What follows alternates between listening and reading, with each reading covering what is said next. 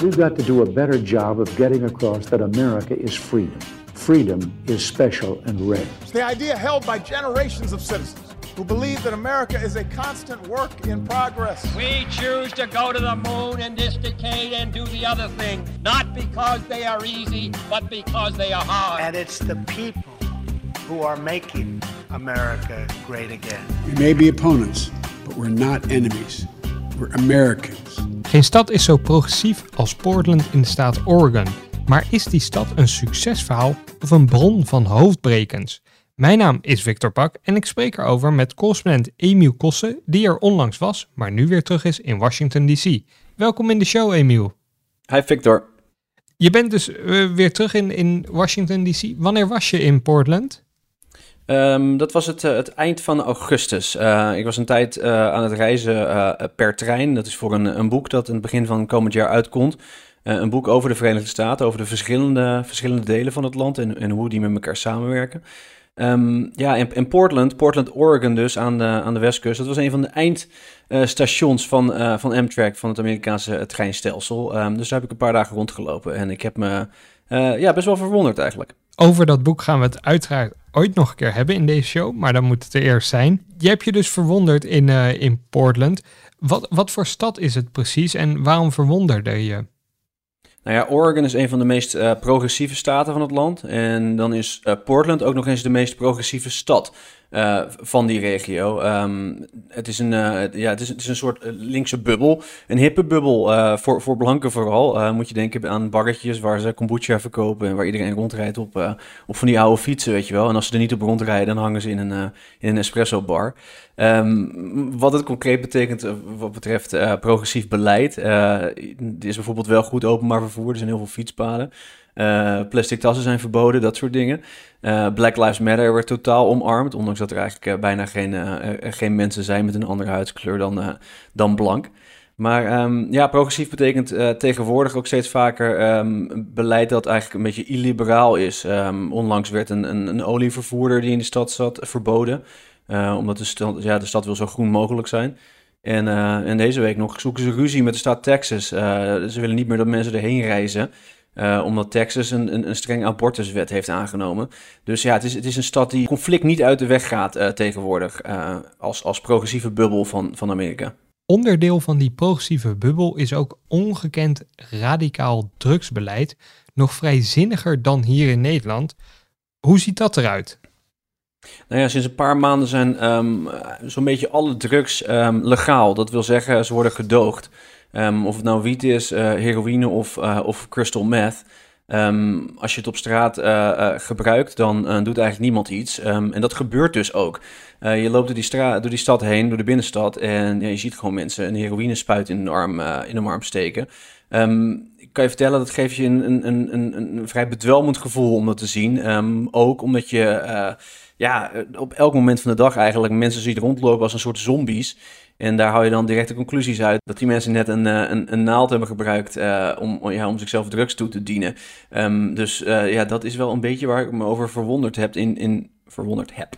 Dat is wel een beetje waar ik me over verwonderd heb in negatieve zin.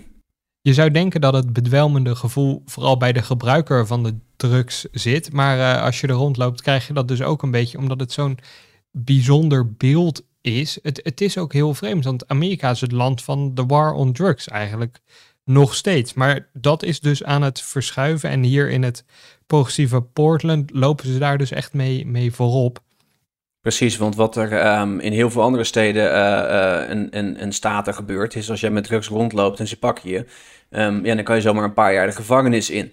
Um, dat systeem heeft wel laten zien dat het ook niet werkt. Een, een, heel groot uh, gedeelte van Afro-Amerikaanse mannen die zit in de cel wegens verkoop of gebruik van wiet.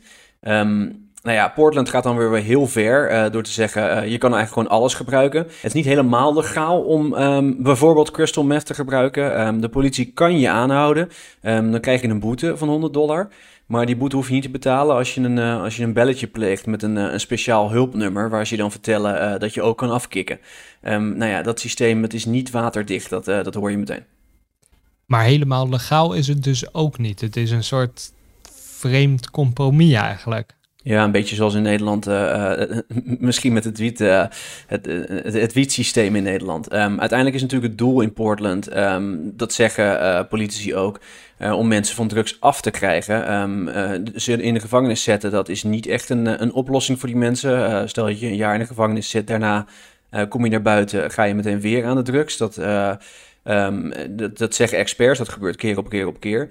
Um, maar ja, dit systeem, uh, er zitten zo nog wat gaten in. Want er is vrijwel niemand die daadwerkelijk um, ja, uh, dat, dat hulpnummer belt om, uh, om een keer naar een afklikkliniek te gaan. En mocht iedereen wel bellen, dan hebben ze ook een probleem. Want er zijn eigenlijk helemaal niet genoeg ziekenhuizen in die regio om mensen te helpen van een zware verslaving als iets als heroïne.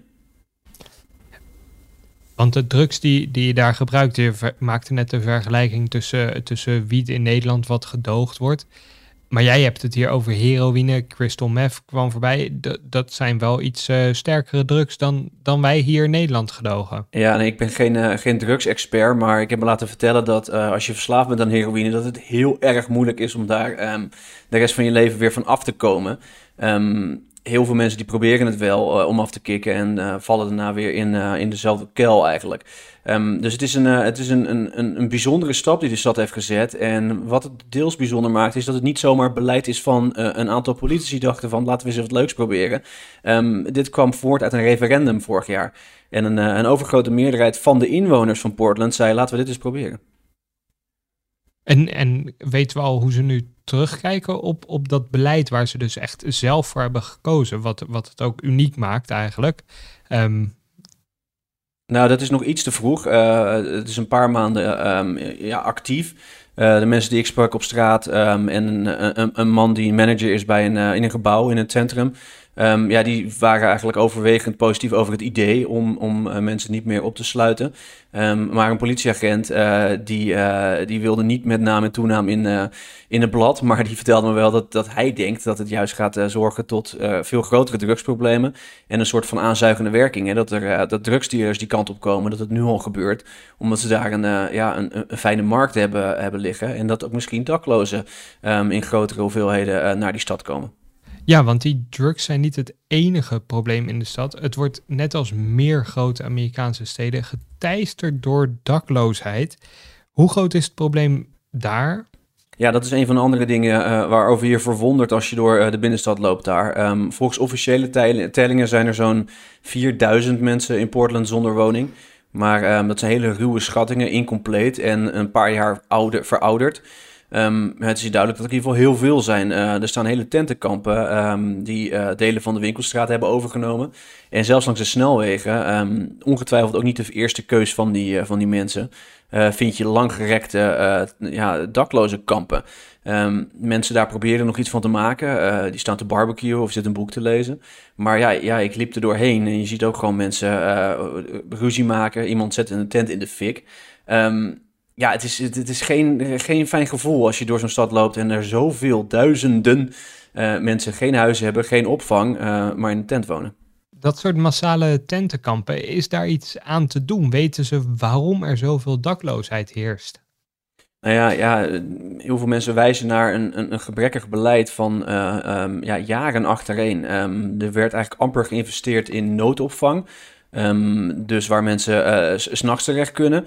Um, omdat het idee was dat, dat je mensen moet helpen om meteen uh, langetermijn uh, huizen te verkrijgen. Het probleem was dat het, het aantal daklozen het afgelopen jaar snel is toegenomen. Omdat juist Portland heel hip is, heel populair is bij, bij jonge mensen. Een soort tech-bubbeltje boven, um, boven Californië. Um, ja, dat zorgde voor uh, zeer hoge huurprijzen. Uh, daardoor kwamen juist weer meer mensen zonder huis te zitten. Uh, ja, en dus dat, dat beleid van laten, we, laten we proberen dat kleine groepje daklozen echte woningen te verzorgen. Um, ja, dat is een beetje misgelopen. Um, nu zit je op een situatie dat je duizenden mensen hebt die helemaal gewend zijn aan het wonen in een tent. Um, waarvan uh, volgens schattingen twee derde uh, verslaafd is aan iets. Ja, dat is een heel lastig probleem om dat op te lossen. Um, je kan die mensen wegjagen, uh, je kan die mensen in een, in een opvang zetten, maar dat zorgt er niet voor dat die mensen zich weer aansluiten bij de normale samenleving. Van een stad met een progressieve bevolking verwacht je niet dat er neergekeken wordt op de daklozen. Hoe gaat dat daar? Gaat de bevolking goed met de, met de bewoners om die geen huis hebben in de stad? Nou, je merkt wel dat heel veel mensen zich zorgen maken uh, om de daklozen. Um, dat is misschien op een plek als, als Houston, Texas wel iets anders. Daar worden die mensen een beetje uh, in, in, het rond gestuurd door meestal de politie. Uh, dan heb je het probleem niet zo door. in Portland is het probleem niet te ontkennen. Um, en ja, inwoners maken zich dus echt zorgen. Um, wat we zien is een soort ja, gek pamperbeleid. Um, die mensen mogen uh, van de stad niet worden weggestuurd door de politie. Um, dat is een van de redenen waarom die tentenkampen eruit zien alsof het een soort halve woningen zijn met, met barbecues voor de deur. Uh, voor, voor, de, voor de tentdeur. Hoe zeg ik dat? Voor de, voor de tentopening. Ja, tentopening. met uh, barbecues voor de tentopening. Nee, er zijn andere dingen. Er zijn um, extra publieke toiletten neergezet voor ze. Um, er zijn groepjes mensen die elke dag worden ingehuurd. Um, een soort schoonmakers die uh, door de wijken heen gaan en naalden weghalen. op kosten van de belastingbetaler, zodat het, de stad er eventjes wat beter uitziet. nou ja, aan het eind van de dag ziet het er weer uit als een, uh, een wasteland. En uh, ja, een van de laatste dingen die, die Portland heeft besloten, waartoe Portland heeft besloten, is om 5 miljoen dollar weg te halen van het politiekorps en dat te investeren in, um, ja, in nieuwe voorzieningen voor daklozen. Um, dus nog een tussenoplossing, nog wat meer toiletten, dat soort zaken om ja, het leven van de mensen op straat ietsje te verbeteren. Ja, het past natuurlijk helemaal aan het straatje van Portland om ook te bezuinigen op het politiekorps. Is de, was dat de enige bezuiniging die is gedaan? Nee, er zijn wel meer, uh, uh, meer overwegingen om uh, het politiekorps helemaal anders in te richten. Um, fundamenteel heel veel agenten um, te ontslaan en um, sociale werkers ervoor voor aan te nemen. Dus op het moment dat een agent wordt opgeroepen voor, voor iets waarbij iemand mentale problemen heeft, dan stuur je geen agent meer, maar een sociale, sociale werker.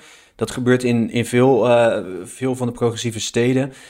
In Portland is daar geen uitzondering. Dat heeft natuurlijk te maken met de, um, ja, de, de, de Black Lives Matter beweging die we afgelopen jaar zagen opkomen. Na de dood van George Floyd vooral. Nou, in Portland zat daar nog een extra element aan. Um, er waren heel veel protesten, misschien wel de meeste van het hele land, um, na de dood van George Floyd. En um, we hadden eigenlijk wekenlang, maandenlang achter elkaar, uh, elke avond kwamen antifascisten die zichzelf heel links noemen, en fascisten, aanhangers van Donald Trump in sommige gevallen, die kwamen elkaar opzoeken in de straten uh, dag na dag. En dat is nog een van de andere dingen die je nu ziet in, uh, in uh, de binnenstad van Portland. ongeveer de helft van de winkels is nog steeds dichtgetimmerd omdat ze toch bang zijn dat er nog geweld ja, wordt aangewakkerd. En dat gebeurde ook op een van de dagen dat er was. ja, kwamen toch weer kleine groepjes extreem links en extreem rechts bij elkaar om ja, een robbertje te vechten. Dat zou vragen om meer handhaving, zou je denken. Er was natuurlijk vorig jaar ook zo'n tijdje een, een bezette zone in de stad door die, door die Antifa-lui. Wordt dat dan maar een beetje gedoogd, die wegpartijen? Ja, dat is, uh, althans toen ik er was, was dat dus inderdaad het geval. Best wel vreemd. Uh, er stond wel wat politie, maar die waren geïnstrueerd door de burgemeester, die ook de politiechef is in deze stad. Um, ja, om, om niet in te grijpen. ze moesten pas ingrijpen als er dodelijk geweld kon worden gebruikt. Um, dat gebeurde één keer, omdat er opeens een gek met een wapen in de lucht aan het zwaaien was. Maar voor de rest ja, deden ze eigenlijk niks. die, die demonstranten gingen iets uit het, uit het centrum weg en hebben daar hebben daar als een soort hooligans met elkaar staan vechten. En dat, dat was het dan wel zo'n beetje. Uh, maar het klopt, er zijn nu discussies. Is het wel zo verstandig om die politie helemaal weg te bezuinigen? En um, ja, het antwoord daarop weten we niet. Um, de burgemeester die, die, is best, uh, die wil best overwegen om toch weer wat meer geld in de politie te stoppen. de burgemeester is vrij gematigd. Maar ja, in Portland kom je daar niet zomaar mee weg. Want um, zoals je ook al zag bij het referendum over, over drugsgebruik, uh, heel veel kiezers die, ja, die staan best wel achter dit soort progressieve proefballonnen. Dus ook het wegbezuinigen van de politie. Dat vind ik wel op opvallend. Je zou denken dat er toch een soort, misschien wel zelfs een republikeinse tegenbeweging zou kunnen ontstaan in Portland. Gezien alle problematiek die we net hebben besproken, van antifa tot, tot drugsoverlast. Maar dat is dus niet het geval. Nou ja, die is er wel, um, maar dat is dan net buiten de stad. Uh, ik, ik verbleef in uh, Vancouver, uh, dat is dan net in de staat Washington. het ligt er meteen boven, tien minuutjes er vandaan. En ehm, ja, dat stadje is dan eigenlijk weer vrij republikeins voor, uh, voor de regio. En daar kijken ze ook weer met een heel andere blik op de problemen in Portland. Daar zeggen ze een beetje van ja, dit hebben ze, uh, hebben ze over zichzelf afgeroepen. Um, wij gaan het heel anders doen. Uh, daar wordt dus niet bezuinigd op de politie. En een van de discussies daar was um, of het een goed idee is om, om het, het, het metrosysteem, het tramsysteem van Portland, door te trekken naar Vancouver, Washington. En ja, daar twijfelen ze nu heel erg over, omdat ze kijken naar Portland, um, al die problemen zien die we net hebben besproken. En ze denken, ja, um, willen we nou echt een trein hebben hier die al die problemen ook naar ons toe brengt? Dus um, ja, nee, die, die, die soort van kritische, die kritische bubbels, die zijn er zeker. maar ja, dat ligt dan net buiten het centrum, want uh, ja, dat laten mensen liever gewoon uh, ja, een, beetje, een beetje liggen. En ik begrijp dus dat als wij uh, weer mogen reizen, dat wij de stad ook beter kunnen laten liggen. Nou ja, dat ligt eraan. Uh, als je weet waar je heen gaat. Uh, een van de dagen ging ik met een, een vriend op stap. En ja, die laat je dan een, een, hele goede boekenwinkel zien. En een, een, een hipster espresso zaakje. En nou ja, dat soort, dat soort dingen. Dat zit er allemaal wel. alleen je moet wel een beetje oppassen waar je loopt. Want voor je het weet zit je opeens in een ja, een soort van zombiezone. Waar je het idee hebt dat je net zo goed in een, in een soort van horrorfilm terecht bent gekomen. Nou, dankjewel voor dit passende reisadvies, zullen we dan maar zeggen, Emiel. De Holland-Amerika-lijn gaat door met de presidenten van Petersen. Hi, Barack Hussein Obama. Hi, George Herbert Walker Bush. William Jefferson Clinton, do solemnly swear. De presidenten van Petersen. So help me God. Dag Koen, vandaag bespreken we William McKinley, eh, president aan het einde van de 19e eeuw. Hij werd vroegtijdig vermoord tijdens zijn uh, presidentschap. Waarom werd hij gedood en wat was de impact daarvan? President William McKinley is nou niet echt een politicus die bij het grote publiek direct enorme emoties losmaakt. Maar dat wil niet zeggen dat zijn presidentschap, dat duurde van 1897 tot in de loop van 1901, zonder betekenis is geweest. Onder meer een oorlog met Spanje leidde ertoe dat belangrijke gebieden zoals Puerto Rico en de Filipijnen aan het Amerikaanse empire werden toegevoegd in zijn periode. Hij was er nog niet onervaren toen hij het Witte Huis betrad. In 1877 begon hij zijn politieke carrière als afgevaardigde namens de staat Ohio in het Huis van de Afgevaardigden in Washington. Hij heeft dat 14 eh, jaar gedaan, totdat door een herindeling van districten door zijn politieke tegenstanders, een begrip dat we nu nog kennen ook als gerrymandering, maar wat ook toen al bestond, uit zijn baan werd geknikkerd en werkloos thuis kwam te zitten. Hij heeft daarna nog twee periodes kunnen dienen als gouverneur van zijn eigen staat, Ohio. Daar deed hij belangrijke bestuurlijke ervaring op. En vervolgens won hij de presidentscampagne van 1896 en werd hij daarmee de 25e president van de Verenigde Staten. McKinley werd door moordenaarshanden om het leven gebracht. En dat betekende een voortijdig eind van een capabel president die eigenlijk in de ranking van historici in het linker rijtje staat, maar dan wel in de onderste helft. Daarvan eigenlijk een zeer verdienstelijke plaats.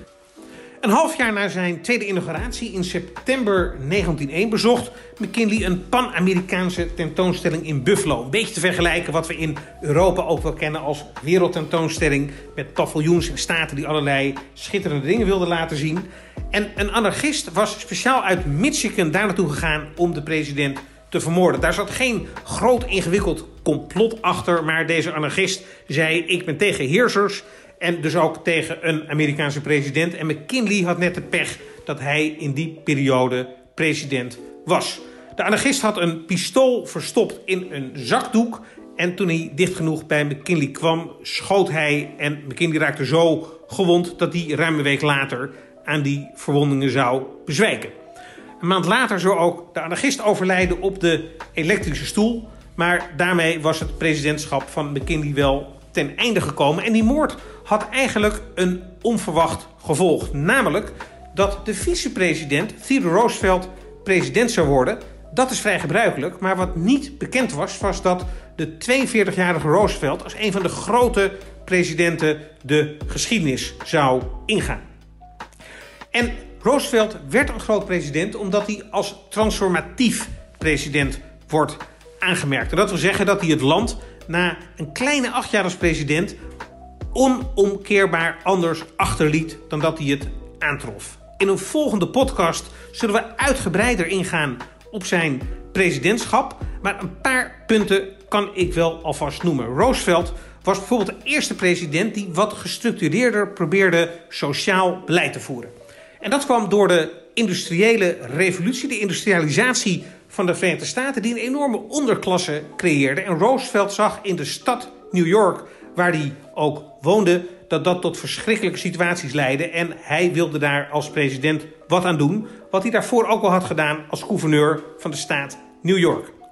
Daarnaast zag je dat bedrijven enorm aan het samenklonteren waren en eigenlijk tot conglomeraten verwerden. En Roosevelt vond dat dat de concurrentie op de markt niet goed diende. Dus hij was degene die ook actief bezig was om die grote bedrijven op te blazen, om ze kleiner te maken, om ze op te splitsen en daarmee ook de concurrentie weer terug te brengen op de Amerikaanse markt.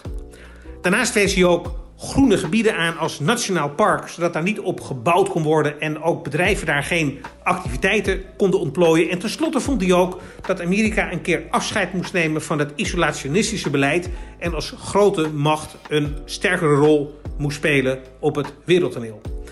Daarover later in een andere podcast uiteraard nog veel meer. Maar uiteindelijk is dit wel een heel belangrijk gevolg geweest van die moord op McKinley. Want dat vernieuwende beleid was toen niet ingezet als McKinley in het Witte Huis was gebleven en Roosevelt een bijrol had moeten spelen als vicepresident in diezelfde periode. Hoe verliep zijn vroegtijdig beëindigde presidentschap? McKinley was in de 4,5 jaar dat hij president was een gedegen president. En er waren eigenlijk drie thema's die zijn presidentschap hebben getekend of bepaald.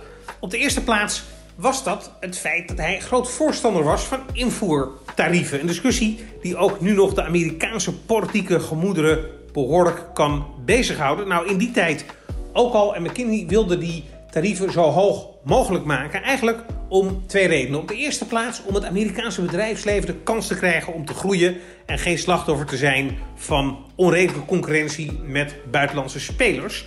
En daar waren de industriëlen natuurlijk ongelooflijk tevreden over. Maar tegelijkertijd dacht McKinley ook aan de arbeiders die dankzij de goed draaiende fabrieken ook uh, bestaan konden opbouwen en in dat opzicht konden voorzien in hun levensonderhoud.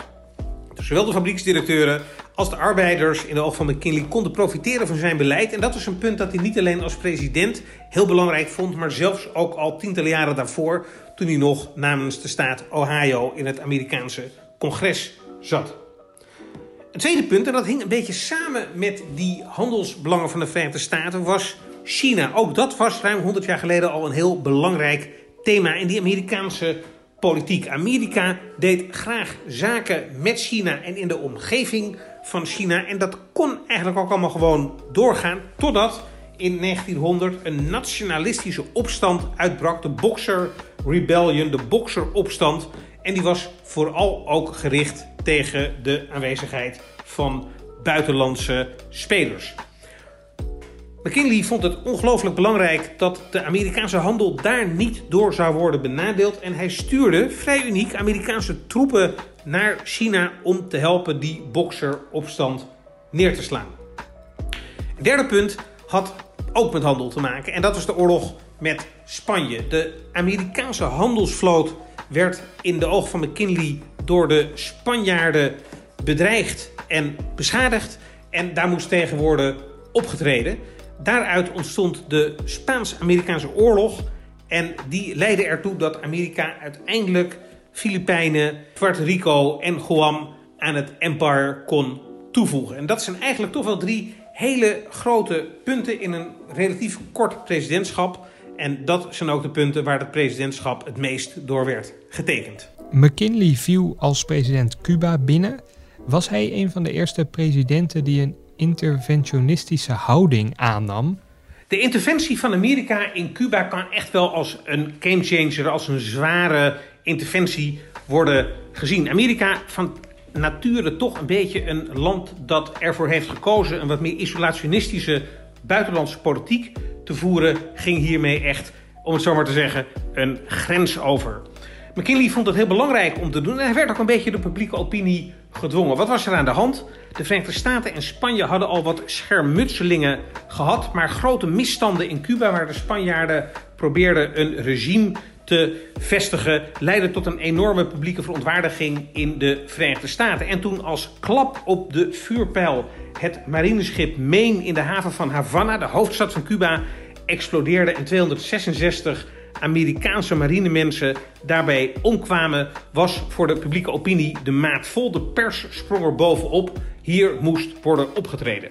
En dat betekende dan ook dat het congres, die afgevaardigden die van die publieke opinie heel erg afhankelijk waren voor de herverkiezing, uh, ook uh, McKinley toestemming gaven om militair in te grijpen en de facto een oorlogsverklaring deden uitgaan. McKinley die, uh, ging ook hard aan de slag. Die joeg de Spanjaarden weg uit Cuba. Cuba werd weer een zelfstandig, autonoom land met dank aan de Verenigde Staten. En McKinley had daarmee ook weer zijn positie bevestigd. En bovendien leverde dat bij het vredesverdrag dat later werd getekend, die genoemde gebieden op van de Filipijnen, Puerto Rico en Guam, die onder Amerikaans regime kwamen te staan. Pas veel later zou blijken dat dat marineschip, de USS Maine, niet door de Spanjaarden, maar door een explosie binnen dat schip de lucht in was gevlogen. Maar dat was allemaal nadat de Amerikaanse interventie al had plaatsgehad. Amerika is van oorsprong een land waarbij eigenlijk uh, vooral de regel geldt dat je je met het buitenland niet al te veel moet bemoeien.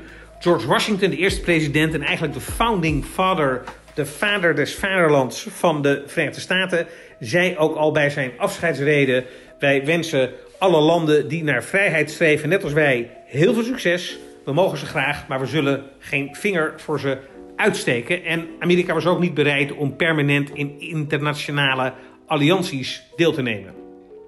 Dat wil niet zeggen dat Amerika nooit over de grens uh, opereerde. Uh, halfweg de 19e eeuw waren er nogal wat grensconflicten met Mexico over gebieden die later Texas en Californië zouden worden. En in de jaren 70 van de 19e eeuw stuurde Amerika zelfs een strafexpeditie van 650, ja, je zou kunnen zeggen, mariniers naar Korea omdat er een koopvaardijschip was verdwenen en de Koreanen daarvan werden verdacht erbij betrokken te zijn en geen openheid van zaken gaven. Na de interventie in uh, Cuba werd het toch weer wat rustiger aan het front. Pas de Eerste Wereldoorlog trok de Amerikanen weer het wereldtoneel op. Daarna trok Amerika zich weer terug en pas na de Tweede Wereldoorlog zou de aanwezigheid van Amerika in de wereld groter en permanenter zijn.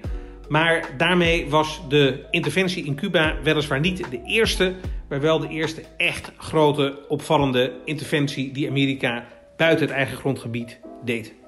Dankjewel Koen. Dit was de Holland Amerikaan voor deze week. Over twee weken zijn we uiteraard weer terug, maar mis in de tussentijd niks van de andere podcasts van EW door u te abonneren op ons kanaal. Hartelijk dank voor het luisteren en graag tot de volgende keer.